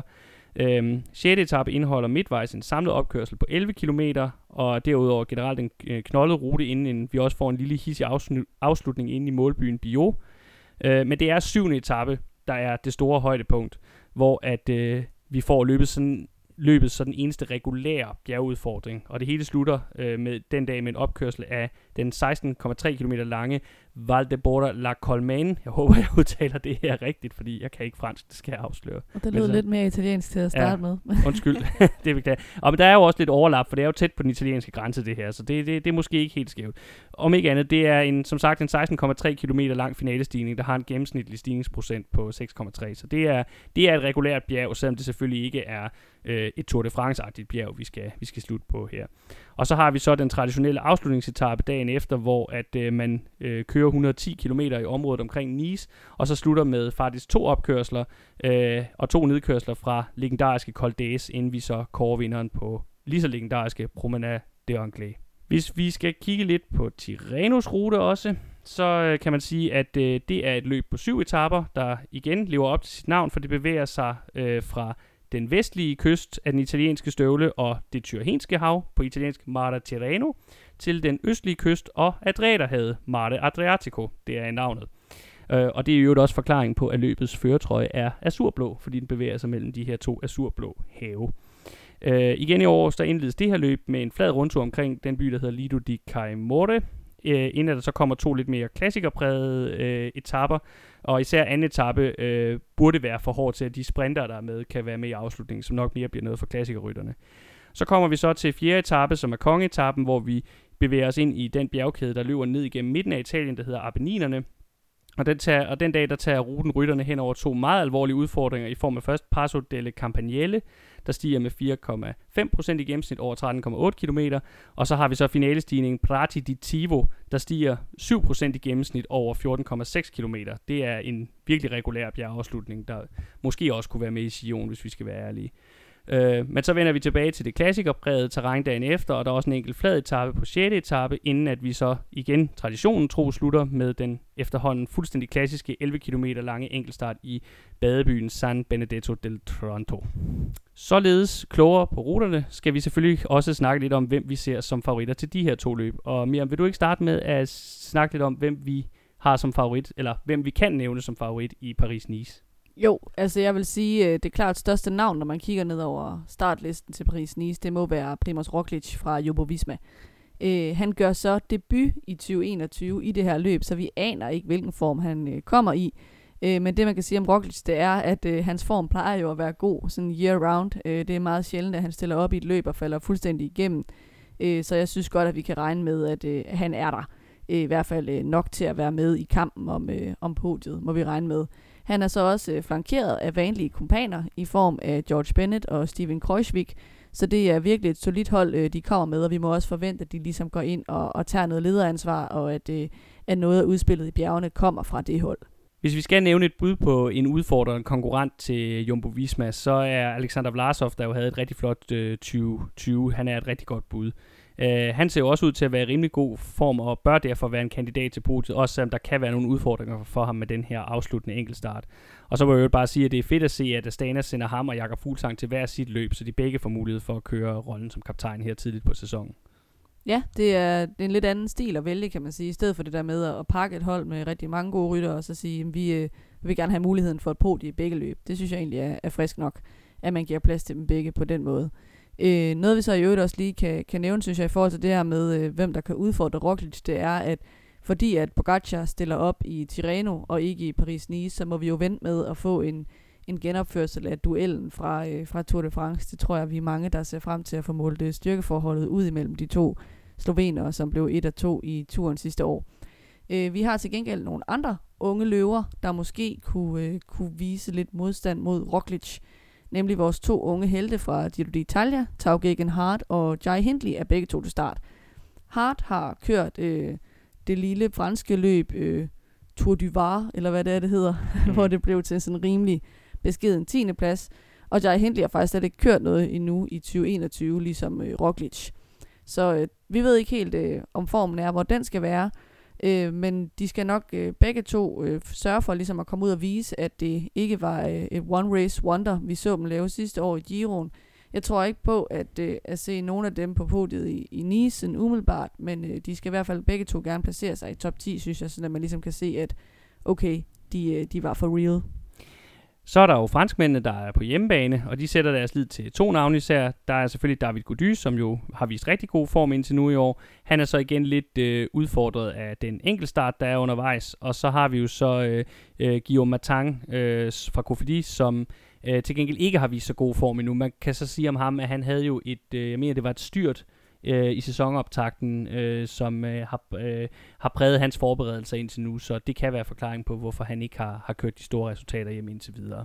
Øh, men øh, det er i hvert fald to gode, gode bud for muligvis i hvert fald en podieplacering, som franskmændene stiller med i det første af deres store World Tour etabeløb i år. Ja, også fordi, altså, jo, der er en enkelt start, men hvad, hvad sagde du? 14 km? 14 det er trods ja. alt begrænset, hvor Mm. meget tid man taber der, og i hvert fald en Gody, der er, i, der er i rigtig fin form, vil nok godt kunne, kunne snuppe noget tid i, i bjergene, og på den måde køre sig stilling til en podieplads. Øhm, I forhold til det her med, at det er et fransk løb, og de franske hold og rytter er på hjemmebane, øhm, så så vi lidt sjovt her øhm, for et par dage siden, at øh, Ben O'Connor, øh, den australske rytter, som kører på det franske hold AG2R, han blev pillet af startlisten til Tirreno Adriatico, og så blev han sat på startlisten til Paris-Nice i stedet for. Og der blev vi rimelig hurtigt enige om, at det må nok være fordi, at han har vist, at han er i rigtig god form. Og så har AG2 tænkt, okay, vi har jo faktisk ikke rigtig længere nogen tabløbsprofiler, fordi vi har mistet dem alle sammen i transfer. øhm, så lad os skynde os at få Ben O'Connor på startlisten til Paris-Nice, fordi så har vi rent faktisk en rytter, som måske kan køre i top 10 for dem. Hvis det hele spiller, kan han måske også godt øh, blive nummer 5. Øh, han lavede en femteplads i det her lille løb, øh, Tour de Var. Øh, så, så det kan der være, hvis det hele går op i en højere enhed for ham, at øh, han også kan lave et fint resultat til AG2 er her. Det er altid vigtigt at pleje øh, hjemmepublikummet som fransk hold, og ikke mindst øh, sponsorerne. Så det kan muligvis vise sig at være et rigtig godt move for AG2R, det her. En anden, som øh, vi også lige kan nævne her, det er jo øh, Nelson Paulus, som vi også talte lidt om, da vi gennemgik, hvad der er sket i sæsonen indtil nu. Han kørte en rigtig flot UAE-tur. Og så er det nok også lige en værd at nævne tyske Maximilian Schachmann fra Bora, øh, fordi han jo vandt det her løb sidste år, så han kommer jo til start som forsvarende vinder. Øh, det skal lige siges, at en væsentlig årsag til, at han vandt løbet sidste år, det var jo, at den sidste bjergetappe i løbet blev aflyst på grund af corona, og han er ikke bjergrytter. Øh, men igen, selvom at vi har det den her syvende etape, der kunne minde om en, en Tour de France bjergetappe, så er det stadigvæk ikke helt de samme hårdhedsmæssige øh, udfordringer, vi kommer ud i her, som vi for eksempel gør i, i en af de tre ugers Grand Tours. Så øh, måske er der en chance, også fordi han er jo til gengæld en fremragende enkeltstartsrytter, så det tredje etape burde ligge rigtig godt til ham. Yes, så skal vi selvfølgelig også lige nævne, at, øh, at vi optager på et tidspunkt, hvor øh, øh startlisterne til løbende altså ikke er komplette endnu. Øh, så der kan selvfølgelig også godt øh, dukke nogle flere øh, favoritkandidater øh, op. Øh, hvis jeg skal komme med et øh, podiebud øh, mere, så bliver det måske øh, lidt mindre våget end sidst. Jeg vil gå med Roglic som etter, øh, og så vil jeg sige Gody som øh, toer, fordi han har vist øh, rigtig gode bjergben. Og øh, så har jeg sat Vlasov på som øh, træer. Han er trods alt øh, rimelig solid, den unge øh, russer, og har også øh, vist, at øh, formen i hvert fald er, er i fremgang umiddelbart. Så det røde felts øh, podiebud i Paris-Nice er Primoz Roglic, David Gody og Alexander Vlasov. Så går vi lidt videre til at kigge på favoritterne i Tirreno Adriatico, og der må man jo sige, der er en over dem alle, og det er selvfølgelig den forsvarende turvinder Tadej Pogacar. Uh, øh, vi kan jo bare kigge på, hvordan han klarede sig i UAE-ture, og hvordan han mere eller mindre sådan, uh, drev gæk med, med konkurrenterne. Det er selv en Adam Yates, der ellers gjorde, hvad han kunne for at udfordre ham, uh, var jo ikke en for alvor en trussel. Og så igen, udover den bjergetappe, der er undervejs, så er der jo altså også uh, den her enkeltstart i afslutningen. Så det er bare et løb, der på alle måder ligger fuldstændig perfekt til den unge slovener. Ja, hvis man skal øh, komme med øh, et bud på, hvem der kunne udfordre ham, øh, så vil det nok være øh, først og fremmest øh, Egan Bernal, øh, som kommer sammen med øh, Jaron Thomas, og de udgør så Ineos øh, to kaptajner. Bernal øh, har jo kørt rigtig fint i øh, Provence. Det var jo så øh, Sosa, der fik lov at være kaptajn, kan man sige, men Bernal så altså også rigtig godt kørende ud på Mont Ventoux. Øh, han var anden mand i mål og blev vist nok øh, træer samlet. Jeg tror, at Philippe fik hentet nogle bonussekunder på ham, så han lige kunne, kunne klemme sig forbi på podiet der. Øhm, han er stadig lidt plaget af de her rygproblemer, men øh, han ser ud som om, han er i, i okay form. Øh, det kan man til gengæld ikke rigtig sige om øh, John Thomas. Nej. Han øh, lignede i den grad en mand, der var kommet godt over vinteren i øh, det her løb øh, Tour de Bar øh, da de andre var ved at sprinte om, øh, om sejren på toppen af sådan en meget stejl øh, afslutning, der sad han stadig nede i, øh, i et af de første sving og så meget, meget tung ud. øh, så han skal have kørt så hurtigt i form, vil jeg sige, øh, hvis han skal, skal blande sig i toppen. Så øh, der tror jeg nok mere på, på Bernal som første udfordrer. En, der til gengæld ser skarp ud, det er jo vores egen øh, Jakob Fuglsang. Øhm, og han har jo netop øh, fremhævet øh, ugetabeløbet som noget, han vil prioritere her fremadrettet, fordi han har ligesom erkendt, at det er for svært for ham over tre uger, men sådan et øh, kortere løb som Tirreno Adriatico, det passer rigtig, rigtig godt til ham. Igen, som vi allerede har nævnt, så har han ikke haft de her spanske opvarmningsløb, til ligesom at køre sig i etabeløbsform i år. Uh, han plejer jo for eksempel at stille op i det her Ruta del Sol, der plejer at blive kørt i, i februar måned i Spanien. Og det har han altså ikke haft mulighed for i år, da det er blevet uh, aflyst. Men uh, hvis uh, han mener det her med uetabløbssatsningen, så skal vi bestemt holde øje med Fuglsang i forhold til, uh, i forhold til en top 3 og i hvert fald en top 10 i det her løb. Mm.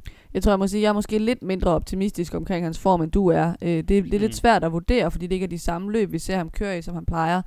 Men det er jo i hvert fald tydeligt, at, øh, at det mere har været Vlasov, der har været kaptajn i de løb, hvor de, hvor de begge to er stillet op. Mm. Og det er jo ikke sådan, fordi vi har set ham øh, blive sat og smide helt vildt meget tid, øh, ligesom vi har med Jaron Thomas. Vi har bare heller ikke set ham være helt deroppe, hvor han plejer at være, og det er jo, det er jo lidt tankevækkende, når man tænker på, at han plejer at være i rigtig god form øh, allerede i februar. Øh, altså det er bestemt heller ikke, fordi jeg vil, vil afskrive ham. Jeg tror bare ikke helt lige så optimistisk, som, øh, som du er. Øhm, en anden rytter, vi kan pege på, det er den unge øh, Sergio Igita fra EF. Øh, han er en af de andre, udover Nielsen Pauls, der skal forsøge at udfylde hullet, efter at mange profiler har forladt holdet. Han fik vist øh, okay form i UAE, hvor han øh, sluttede som nummer 11, og også øh, fik siddet rigtig fint med øh, på bjergeafslutningerne. Jeg tror ikke på ham som en potentiel vinder, men øh, vi kan nok godt regne med at se, os, at se ham blande, øh, blande sig op i toppen. Skal du ikke have lov at snakke om din øh, personlige favorit også? Enzo, Enzo, Enzo. Vincenzo Nibali, den sicilianske hej. Jo, øhm, han er normalt ikke i topform på det her tidspunkt af sæsonen. Øh, han har normalt øh, brug for en del løb til lige at få trådt sig i gang.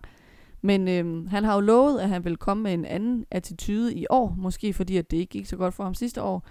Øh, og jeg synes også, at han allerede øh, har øh, vist, at han er i bedre form, end han plejer at være på den her tid af året. Øh, han fik øh, ikke øh, sat sig med det rigtige sted, da feltet splittede sidevind i UAE Tour. Så der kørte han ligesom ikke øh, klassement. Det gjorde øh, hans holdkammerat Skelmose jo så i stedet for. Men han fik lavet øh, et okay fremstød på, på en af bjergafslutningerne i Nibali, hvor han så blev hentet. Øh, han døde ligesom i modvinden. Men han fik da i hvert fald vist, at øh, han trods alt har god nok form til, at han kunne øh, komme med et, øh, et fremstød. Han har også øh, set okay ud i, i nogle af de løb, han har kørt her de seneste 14 dage. Øh, så en top 10 synes jeg ikke er urealistisk for, for Nibali. Øhm, så synes jeg lige, at der er en lille joker, vi bliver nødt til at nævne også, og det er måske lidt overraskende for nogen, men det er faktisk øh, Wout van Aert. Og grunden til, at vi nævner ham her, det er, fordi han har jo meldt ud, at noget af det, han ville prøve her i 2021, det var at øh, se, hvordan han kunne gøre sig i etabeløb. Og øh, Tirreno kunne måske være hans første skud i bøssen i forhold til at teste den her strategi af. Øhm, spørgsmålet er selvfølgelig, om formen allerede er der. Det snakkede vi også lidt om under øh, vores øh, favoritgennemgang til Strade Bianche. Og vi må bare sige, at øh, vi har kun set nogle øh, Strava-tal, altså nogle træningstal fra ham indtil videre, og så har der, er der den her udmelding fra Jumbo om, at han ikke har tabt nok muskelmasse siden cross-sæsonen i forhold til at kunne være med. Men øh, lad os se efter Strade Bianche her lørdag, øh, så er vi nok meget klogere om hans eventuelle øh, vinderchancer. Ja, Og- altså jeg vil sige, jeg, jeg tror, øh, tror, han er i rimelig god form. Der er i hvert fald forlydende om, at han ligger og slår alle mulige rekorder på den der træningslejr, han er på. Ja. Og han lignede jo også en, der var i drøngod form i, i cross-sæsonen. Så altså, om han nødvendigvis øh, kører top 3, top 5, det ved jeg ikke, men altså, han er da hjulpet fint på vej af, at der er øh, en enkelt start, vi så i turen, at han øh, kører glimrende opad, når han er i topform. Så øh, helt overrasket skal man ikke blive, hvis man ser ham pludselig stå der top 3, top 5. Nej, og så øh, vil vi bare lige, så vil jeg lige inden at øh, du får lov at komme med dit øh, bud på et fræk podie, så vil jeg lige øh, øh, spille ind med et par navne, man i hvert fald kan holde øje med, selvom det ikke er nogen af dem, jeg ser som, øh, som vinder, eller måske heller ikke som podiekandidater, men godt kan være med i forhold til en top 10. Og det er sådan nogle ryttere som øh, Simon Yates, Michael Woods, øh, hjemmebane favoritten Giulio Ciccone, øh, gode gamle Nairo Quintana, der stiller op for Arkea-holdet, og så måske også Roman Bardet, som jo godt nok har sagt, at det her med etabeløb ikke er det, der er det vigtigste for ham i år, øh, og måske også derfor har han jo valgt det italienske løb frem for hjemlandets øh, Paris-Nice, for at komme væk fra det pres, der normalt er fra hjemmepublikummet. Men i hvert fald nogle rytter, man lige skal holde øje med i her i årets Tirreno Adriatico. Ja, altså jeg vil sige, jeg har egentlig rimelig god fidus til Giulio Ciccone. Øh, han kører på hold med, øh, med Nibali, og det har ligesom været øh, meldt ud, at i år ligesom skal være året, hvor han tager sådan øh, en transition fra at være hjælperytter til at skulle være en af de helt store klassementsprofiler på holdet. Og han har altså set øh, rimelig godt ud her i opvarmningsløbene. Det er ikke, fordi han har været den bedste, men han har da i hvert fald øh, været op omkring øh, top 10 i de fleste løb, han er stillet op i. Så ham tror jeg helt klart godt, vi kan regne med at se vise sig frem. Han er så i den grad udfordret en dårlig enkeltstart. Men øh, han er en spændende italiener på, på hjemmebane, synes jeg. Øh, hvis jeg så skal komme med øh, mit øh, frække podiebud, øh, så er det måske ikke så fragt igen at smide Pogacar op på, på førstepladsen, og heller ikke at smide øh, Banal på, øh, på andenpladsen. Øh, tredjepladsen, der, øh, der vil jeg nok sige, hvis jeg skulle komme med det frække podiebud, så skulle det være Wout van Aert. Øh, det er et satset bud. Øh, jeg tror på, at han godt kan gøre det, hvis han har formen, øh, og han er typen, der godt kan, kan, kan underspille lidt, synes jeg. Så pludselig så er han i meget bedre form, han lige har meldt ud. Øh, vi snakkede jo om det, øh, inden vi skulle optage, øh, hvor jeg kunne fornemme på dig, at øh, det, det officielle, det røde feltbud på en tredjeplads hellere skulle hedde Jakob Fuglsang, som et lidt mere sikkert kort. Så det officielle, det røde feltbud er Tadej Pogacar, Egan Bernal og Jakob Fuglsang, men med Wout van Aert som en meget, meget interessant joker. Det sidste løb, vi vil tage med i vores øh, optakt til øh, kommende løb på cykelkalenderen i denne her omgang, det er det løb, der køres lørdag den 20. marts, og den dag er det nemlig blevet tid til det første af de fem monumenter, altså de fem største endagsløb. Øh, og det er traditionen tro, det er mindst kuperet, og samtidig også mest vanskelige at vinde af de allerstørste endagsklassikere. Det er nemlig La Classissima, eller forårsbebuderen Milano Sanremo. Ja, yeah, og, øh, og man kan sige, at øh, for nogen er det måske øh, et lidt kedeligt monument. De kører øh, 300 km, og det meste af det, det er pandekage flat. Det tager hele dagen, og man kan måske sidde og tænke, hvorfor er det et monument? Men noget af det, der jo især er med til at give det her løb monumentstatus, det er, hvor lang en historie det har. Det første øh, løb, det blev kørt helt tilbage i 1907, altså mere end 100 år siden, at de for første gang rullede ud på, på den her strækning. Og indtil nu så er der blevet afholdt i alt 111 gange. Det har faktisk kun været aflyst øh, tre gange. En gang under første, van, an, første verdenskrig, og så to gange øh, under 2. verdenskrig. Øh, selvom at det, det bliver betragtet i dag som et sprintermonument først og fremmest, øh, fordi det rutemæssigt klart er, er det fladeste og mindst udfordrende af de fem øh, største endagsløb, så er det ikke fordi, at det kun har været øh, hurtige folk, der har, sådan, har vundet det og domineret på vinderlisten igennem historien. Der er selvfølgelig mange hurtige folk, for eksempel Roger de Flaming, Erik Sabel, Oscar Freire, som er godt repræsenteret. Men vi kan altså også finde de helt store bjergkonger på listen, for eksempel øh, Alfredo Benda, øh, Coppi, Bartali, Fignon, øh, Jean Kelly, øh, som går igen og igen. Øh, og det har jo noget at gøre med, at øh, tidligere der var det sådan, at øh, den her øh, stigning midt på ruten, Øh, Tukino-passet. Ja, Tokino-passet. Jeg skal lige grimasser her og vise, at jeg har glemt, hvad det hed. Tokino-passet øh, jo typisk var, øh, var enormt afgørende, fordi at så kunne sådan en rytter som øh, Fausto Kopp jo godt finde på at angribe der, og så ellers bare køre 100 km alene hjemad. Ikke? Hvis vi skal øh, kigge øh, på øh, de to mest øh, vindende i løbets historie, så er den ene øh, også en, øh, en bjergrytter-type, nemlig den øh, hjemlige held til Girardengo, som øh, faktisk har vundet øh, seks sejre øh, hen over en 10-årig periode mellem 1918 og 1928. Og så øh, selvfølgelig fristes man næsten til at sige kannibalen Eddie Merckx, som faktisk har vundet syv gange imellem øh, 66 og 76. Jeg tror faktisk, at øh, hans sidste sejr i Milano Sanremo, det også var det sidste monument, øh, Merckx vandt i karrieren. Fordi jeg mener, 76, det var der, hvor han, han havde ramt muren, og apropos vores tidligere snak med Valverde, var, var på vej nedad igen. Så jeg tror faktisk, det var hans sidste monumentsejr, uden at jeg er helt sikker. Yes. Hvis vi skal kigge lidt på ruten til det her legendariske løb, så må man jo igen sige, det er jo en, øh, en ting nu om dagen, at mange endagsløb, de primært bærer deres navn af historiske årsager. Det gælder ikke for Milano Sanremo, og det er faktisk også en af årsagerne til, at det med sine næsten 300 km vist nok er det, er det længste professionelle cykelløb i, i verden. Og netop den distance, altså 300 km, det er meget afgørende. For selvom at udfordringerne undervejs er begrænset, så gør længden i sig selv, at øh, det ikke nødvendigvis er de normalt hurtigste sprinter, der også automatisk er store favoritter til at vinde det her løb. Øh, når man kommer så langt ud rent kilometermæssigt, så bliver både udholdenhed og konstant niveau nemlig nogle meget afgørende faktorer, og det er ikke altid nødvendigvis de hurtigste og tungeste sprinter, der excellerer i de kategorier. Hvis vi går lidt ned i ruten, så er den grundlæggende set uforandret fra de seneste mange udgaver. Øh, som vanligt så starter løbet i Milano øh, på pladsen foran den historiske domkirke, og så bevæger det sig ellers ned over øh, Posletten øh, i retning mod den liguriske kyst. Øh, og den her tur ind over Po-sletten, der er jo det her fladland, der er dannet af den her store italienske flod øh, Po, der løber igennem det her stykke, øh, det er ofte på det her tidspunkt præget af ret omskifteligt og egentlig meget voldsomt vejr. Så det handler virkelig om, altså grund til, at den her del af løbet er væsentlig, selvom den måske ikke er så underholdende, det er, det er jo med til at trætte rytterne, give dem kilometer af benene, og så ofte også udsætte dem for nogle rimelig øh, trælse vejrforhold. Øh, afslutningen på den her del af ruten, det er så det, som, som du også beskrev, Miriam, i, i din øh, beretning om løbets historie, at øh, man skal forsere det her øh, Tokino-pas, som er en, øh, en lang, men ikke særlig hård øh, stigning. Øh, men øh, der har man så i år desværre været nødt til at lave en lille smule om, øh, fordi at øh, Tokino-passet, vejen henover det, er desværre spærret. Men det skal så siges, at arrangøren har fundet en nærmest fuldstændig tilsvarende opkørsel hen over en stigning, der hedder Colle de Giovo, som også er lang, men på ingen måde udfordrende. Så det bliver ikke så øh, forskelligt fra det vi, er, det, vi er vant til at se. Når så øh, kør, øh, op- og nedkørslen over den her stigning er klaret, så er der stadig 120 km tilbage, og der er vi så kommet ud til den liguriske kyst, hvor at der for det første er enormt smukt, og hvor vejret selv på den her årstid typisk i modsætning til op på Posletten plejer at være utroligt godt vejr, og det er jo også det, der er med til at give det her billede af en forårsbebuder, der øh, tager os fra det kolde og blæsende og regnfulde vejr op nordpå og ned til det smukke, varme, sydlige vejr nede på kysten. De første 60 km langs kysten her, de er så også øh, umiddelbart flade og uden udfordringer, men øh, så begynder øh, udfordringerne så også at melde sig langt om længe, kan man sige. Øh, først så kommer kabierne, som er sådan tre små, meget korte stigninger, Cabo Mele, Cabo Servo og Cabo Berta. De skal forseres inden for 20 km.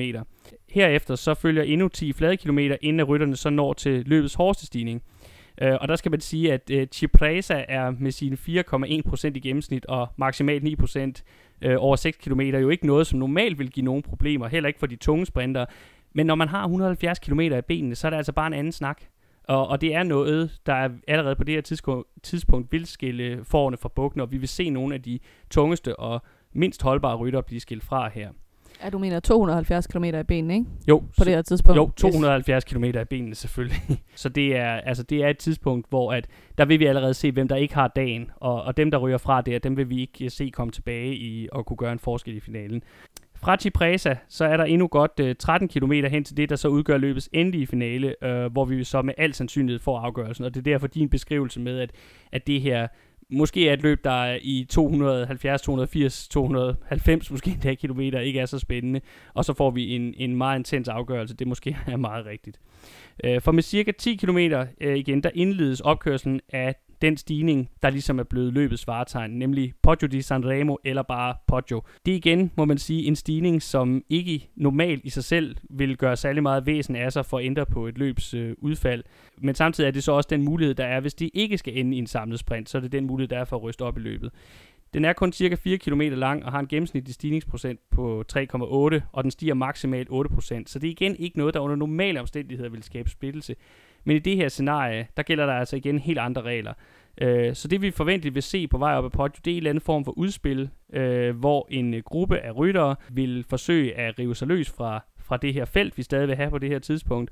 Og så vil de så ellers kaste sig hen over toppen og ud på den her 3 km og teknisk set meget svære nedkørsel alene i front. Og det får så den konsekvens, at den her nedtur og de sidste to flade kilometer øh, inden i Sanremo, de kommer til at indeholde et ret vanvittigt forfølgelsesløb, inden vi så skal kåre vinderen på legendariske Via Roma, som danner rammen om målstregen, og dermed enten et sprinteropgør, eller at en enlig mand kommer først over stregen, eller måske et par lykkerider, der er sluppet øh, sammen hen over Poggio, de kan øh, skadulere om finalen. Men det er jo svært at pege på nogle favoritter i det her løb. Netop fordi, at ruten er, som den er, og længden er, som den er, så er det jo måske det løb, hvor der er allerflest forskellige rytter, der kan vinde det.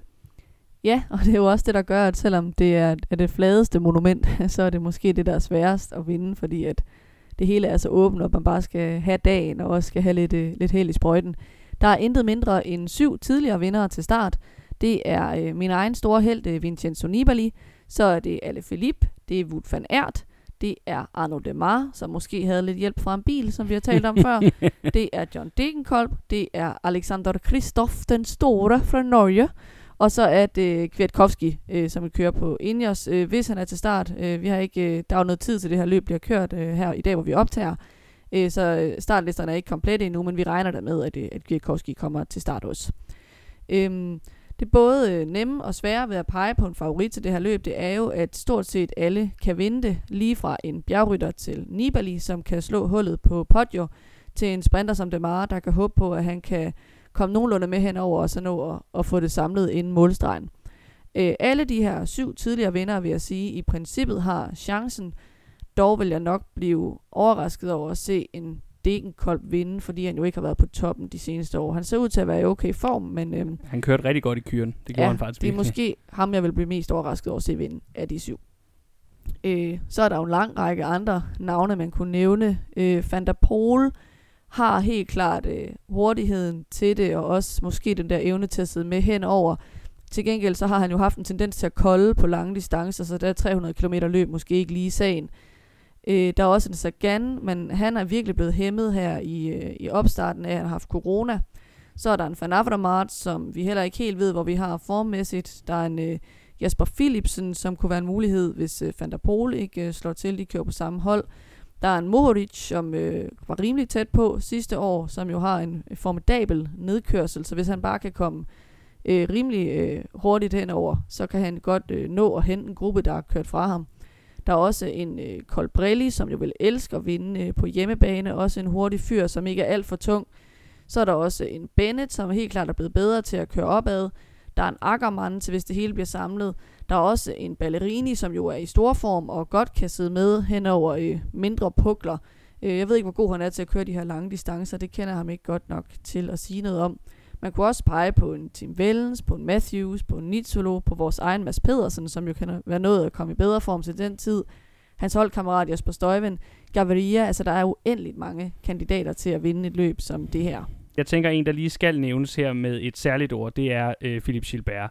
Øh, og det handler om, at hvis han vinder, så skriver han sig ind som en af de allerstørste klassikerrytter i historien fordi han i så fald slutter sig til Eddie Merckx, Roger de Flamik og Rick van Looy som den bare fjerde rytter, der vinder alle fem monumenter i løbet af sin karriere.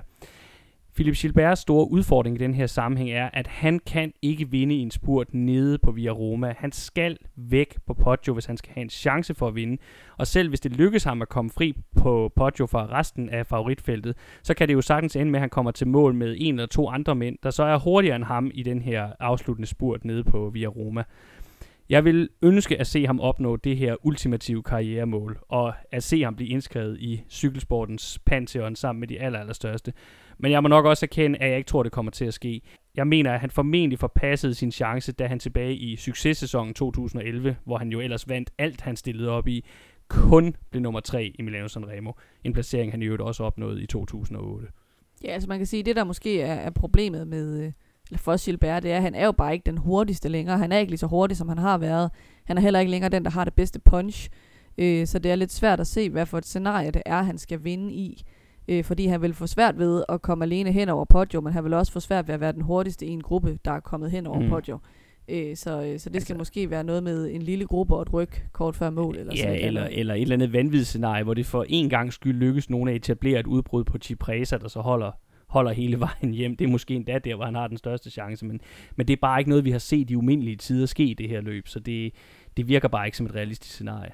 Nej. Øhm, noget, der, altså, noget, der er et realistisk scenarie, men som det er noget tid siden er sket, det er, at, øh, at løbet er blevet vundet i en regulær sprint. Øh, jeg tror sidst det skete, det må vel være i 2016, da Demare øh, vandt sin sejr.